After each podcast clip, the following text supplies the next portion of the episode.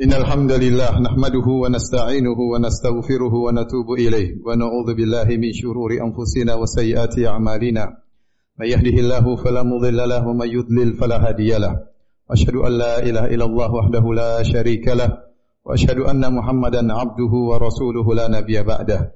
يا أيها الذين آمنوا اتقوا الله حق تقاته ولا تموتن إلا وأنتم مسلمون.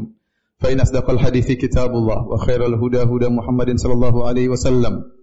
وشر الأمور محدثاتها وكل محدثة بدعة وكل بدعة ضلالة وكل ضلالة في النار معاشر المسلمين أوصيكم ونفسي بتقوى الله فقد فاز المتقون sungguhnya al-qanaah ridha dengan pemberian Allah menerima dengan apa yang Allah anugerahkan adalah kanzun la mathila lahu adalah kekayaan dan aset yang tiada bandingannya Barang siapa yang memiliki hati yang kona'ah, maka dia adalah orang yang paling berbahagia. Jika dia telah meraih kona'ah, maka dia akan jauh dari rasa hasad dan dengki. Buat apa dia dengki kepada orang lain? Buat apa dia hasad kepada orang lain? Sementara dia sudah kona'ah. Dia akan jauh dari kesedihan. Betapa banyak orang sedih karena melihat orang lain lebih kaya daripada dia. Lebih memiliki daripada dia. Adapun orang kona'ah, maka dia terima dengan pemberian Allah Subhanahu wa taala. Oleh karenanya Allah Subhanahu wa taala ya menghendaki hamba-hambanya untuk menerima apa yang Allah berikan kepada mereka. Nabi sallallahu alaihi wasallam memuji orang yang qanaah. Kata Nabi sallallahu alaihi wasallam, "Qad aflaha" Sungguh beruntung man aslama wa ruziqa kafafan wa qanna'ahu Allah bima atah. Sungguh beruntung orang yang Islam dan orang diberi rizki kafaf. Kafaf itu tidak miskin dan juga tidak kaya. Cukup buat dia. Wa qanna'ahu Allahu bima atah dan Allah menjadikan dia qanaah menerima dengan apa yang Allah berikan kepadanya. Nabi mengatakan orang ini adalah orang yang sungguh beruntung. Kata Nabi SAW juga, Laisal ghina an kasratil arad, wa innamal ghina ghina nafs. Bukanlah kekayaan dengan harta yang banyak, bukan dengan aset yang banyak, tetapi kekayaan yang sungguhnya adalah kaya hati, yaitu qanaah. Betapa banyak orang yang memiliki harta, namun tatkala mereka tidak qanaah, maka mereka hidupnya sengsara. Allah sudah berikan harta yang banyak, tetapi rasa tamak terus ada dalam hati mereka, menjalar dalam darah mereka, sehingga mereka tidak pernah puas. Terus mengejar dunia tiada henti-hentinya. Betapa banyak orang yang kaya raya, namun mereka menderita. Kenapa mereka hasad kepada orang lebih kaya dari mereka? Dengki kepada orang lebih kaya daripada mereka. Padahal Allah telah berikan harta mereka begitu banyak. Kepuasan tidak pernah mereka dapatkan. Oleh karenanya orang yang kona'ah adalah orang yang berbahagia. Kata Imam Syafi'i rahimahullahu ta'ala, idza ma kunta dha qalbin qanu'in fa anta wa malikud dunya sawa'u. Kalau engkau memiliki hati yang qanaah maka sungguhnya engkau dan raja dunia sama saja. Apa yang dikejar oleh raja adalah kekuasaan dan kepuasan.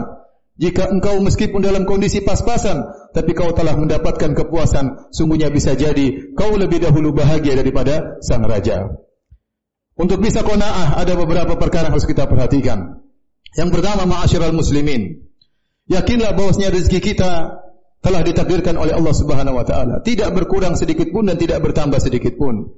Kita diperintahkan oleh syariat untuk mencari rezeki namun dengan cara yang baik. Kata Nabi sallallahu alaihi wasallam, "Fattaqullaha wa ajmilu fit talab." Bertakwalah kepada Allah dan carilah harta dengan cara yang baik. Fa inna nafsan lan tamuta hatta hatta tastawfi rizqaha. Sungguhnya satu jiwa tidak akan meninggal dunia sampai dia penuhi segala rezekinya, tidak akan berkurang sedikit pun. Akan terpenuhi sesuai dengan kadar dan takdirnya.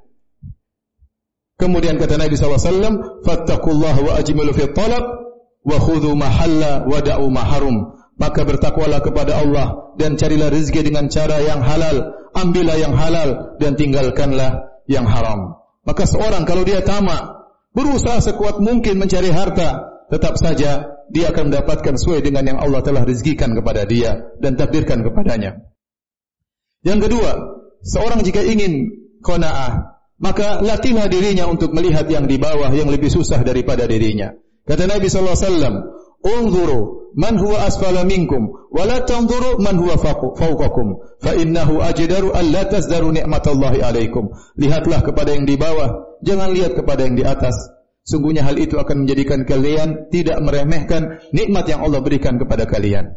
Kita ini masih dalam banyak kenikmatan. Banyak kenikmatan yang tidak terhingga yang Allah berikan kepada kita. Ada di sana orang-orang yang diuji, diberi musibah. Musibah dalam harta, musibah dalam kesehatan, musibah dalam hal yang lain, musibah perceraian, banyak musibah yang mereka hadapi kita lihat kepada mereka, maka kita akan bersyukur kepada Allah Subhanahu wa taala. Seandainya kita pun terkena musibah, yakinlah betapapun besar musibah kita, akan ada orang lebih parah daripada kita. Kalau kita lihat orang lebih parah daripada kita, maka kita akan tetap bersyukur kepada Allah Subhanahu wa taala. Maka kita tidak akan meremehkan nikmat yang Allah berikan kepada kita. Kemudian agar membuat kita bisa menjadi orang yang qanaah, hendaknya kita husnudzan kepada Allah Subhanahu wa taala bahwasanya apa yang Allah tetapkan kepada kita itu adalah pilihan yang terbaik. Ya, betapa banyak orang diberi kekayaan namun mereka tidak bisa menghadapi ujian tersebut. Sungguhnya kemiskinan dan kekayaan adalah ujian. Dua-duanya ujian. Betapa banyak orang diuji dengan kemiskinan dan mereka lolos lulus dalam ujian tersebut sehingga mereka masuk surga. Dan betapa banyak orang diuji dengan kekayaan hanya sedikit yang berhasil lulus dari ujian tersebut. Kebanyakan mereka tidak lulus. Jadilah harta tersebut menjadikan mereka sombong, angkuh, lupa untuk beribadah kepada Allah, sibuk dengan perkara-perkara yang tidak bermanfaat. Semuanya kenapa? Karena harta yang terlalu banyak. Oleh karenanya Allah Subhanahu wa taala berfirman, "Wa asa an takrahu syai'an wa huwa khairul lakum." Bisa jadi kalian membenci sesuatu, namun itu lebih baik bagi kalian. Betapa banyak orang diuji dengan musibah, menjadikan dia semakin dekat dengan Allah Subhanahu wa taala, semakin bertawakal kepada Allah Subhanahu wa taala, menyerahkan urusannya kepada Allah Subhanahu wa taala, semakin rajin beribadah kepada Allah Subhanahu wa taala. Maka seorang berusaha menghadapi segala ujian, baik diuji dengan kesusahan maupun diuji dengan kebaikan. Kemudian yang keempat, ketahuilah bahwasanya setiap harta yang kita miliki akan diminta pertanggungjawaban oleh Allah Subhanahu wa taala. Kata Nabi SAW, Lan tazula qadama abdin hatta yus'ala an arba. Tidaklah bergeser dua kaki seorang hamba pada hari kiamat kelak sampai ditanya tentang empat perkara. Di antaranya, an malihi tentang hartanya. Min aina tasabahu wa fima anfaqah. Dari mana dia dapatkan hartanya dan ke mana dia habiskan hartanya tersebut. Jika seorang diuji dengan harta yang tidak banyak, untuk apa dia hasad kepada orang yang kaya raya? Apakah dia siap untuk dihisap oleh Allah dengan hisap yang panjang? Apakah dia hasad kepada orang yang akan dihisap dengan hisap yang panjang yang susah untuk menjawabnya pada hari kiamat kelak?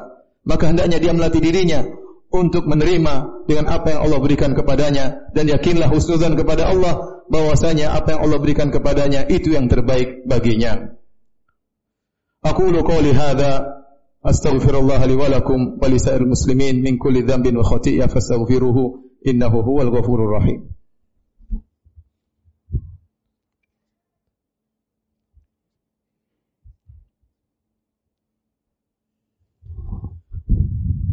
Alhamdulillah ala ihsanih wa syukru lahu ala tawfiqihi wa amtinanih wa syahadu an la ilaha illallah wahdahu la syarika lahu ta'ziman li sya'nih wa syahadu anna muhammadan abduhu wa rasuluh da'ila ridwanih Allahumma salli alaihi wa ala alihi Qanaah bukan hanya dimiliki oleh orang-orang yang diuji dengan kesulitan. Orang-orang yang diberi ujian kekayaan, harta yang berlimpah ruah, hendaknya mereka juga memiliki sifat qanaah ini. Bagaimana mereka qanaah dengan harta tersebut? Jangan masukkan harta tersebut dalam hati mereka. Cukup di genggaman mereka. Ketahuilah bahwasanya setiap harta tersebut akan diminta pertanggungjawaban oleh Allah Subhanahu wa taala. Tatkala dia tahu bahwasanya harta akan diminta pertanggungjawaban, maka dia akan melawan ya rasa pelitnya, rasa rakusnya agar dia bisa mengeluarkan harta tersebut di jalan Allah Subhanahu wa taala. Karenanya Nabi SAW mengatakan, La hasada illa fitnatain. Cemburulah kepada dua orang. Inginlah seperti mereka berdua. Siapa dua orang ini?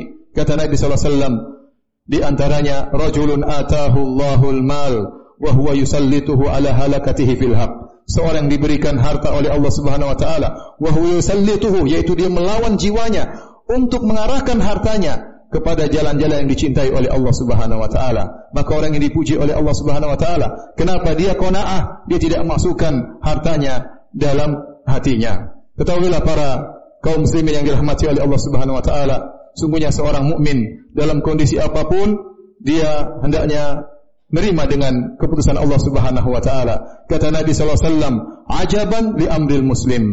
Ajaban li amril mu'min. Sungguh menakjubkan perkara seorang mukmin. Walaysa dzalika illa lil mu'min dan perkara ini tidak mungkin kecuali hanya kepada seorang mukmin. In asabahu syarra sarra syakara fakana khairan lahum. Kalau dia mendapat kebaikan maka dia bersyukur kepada Allah Subhanahu wa taala maka itu yang terbaik baginya. Wa in asabahu dharra sabara fakana khairan lahum. Dan jika dia ditimpa dengan kesulitan, dia bersabar dan itu yang terbaik baginya. Semoga Allah menjadikan kita orang-orang yang beriman, yang berbahagia, memiliki sifat qanaah sampai bertemu dengan Allah Subhanahu wa taala. Inna Allah malaikatahu yusalluna 'alan nabi, يا أيها الذين آمنوا صلوا عليه وسلموا تسليما. اللهم صل على محمد وعلى آل محمد كما صليت على إبراهيم وعلى آل إبراهيم إنك حميد مجيد. وبارك على محمد وعلى آل محمد كما باركت على إبراهيم وعلى آل إبراهيم إنك حميد مجيد. اللهم اغفر المسلمين والمسلمات والمؤمنين والمؤمنات الأحياء منهم والأموات. إنك سميع قريب مجيب دعوات ويقاضي الحاجات. اللهم آت نفوسنا تقواها وزكها أنت خير من زكاها أنت ولي ومولاها. اللهم إنا نسألك الهدى والتقى والعفاف والغنى. اللهم أعز الإسلام والمسلمين أذل الشرك والمشركين ودمر أعداك أعداك الدين. اللهم اجعل هذا البلد آمنا مطمئنا ورخاء. وسائر بلاد المسلمين. ربنا آتنا في الدنيا حسنة وفي الآخرة حسنة وقنا عذاب النار وقنا عذاب النار وقنا عذاب النار وأقيموا الصلاة.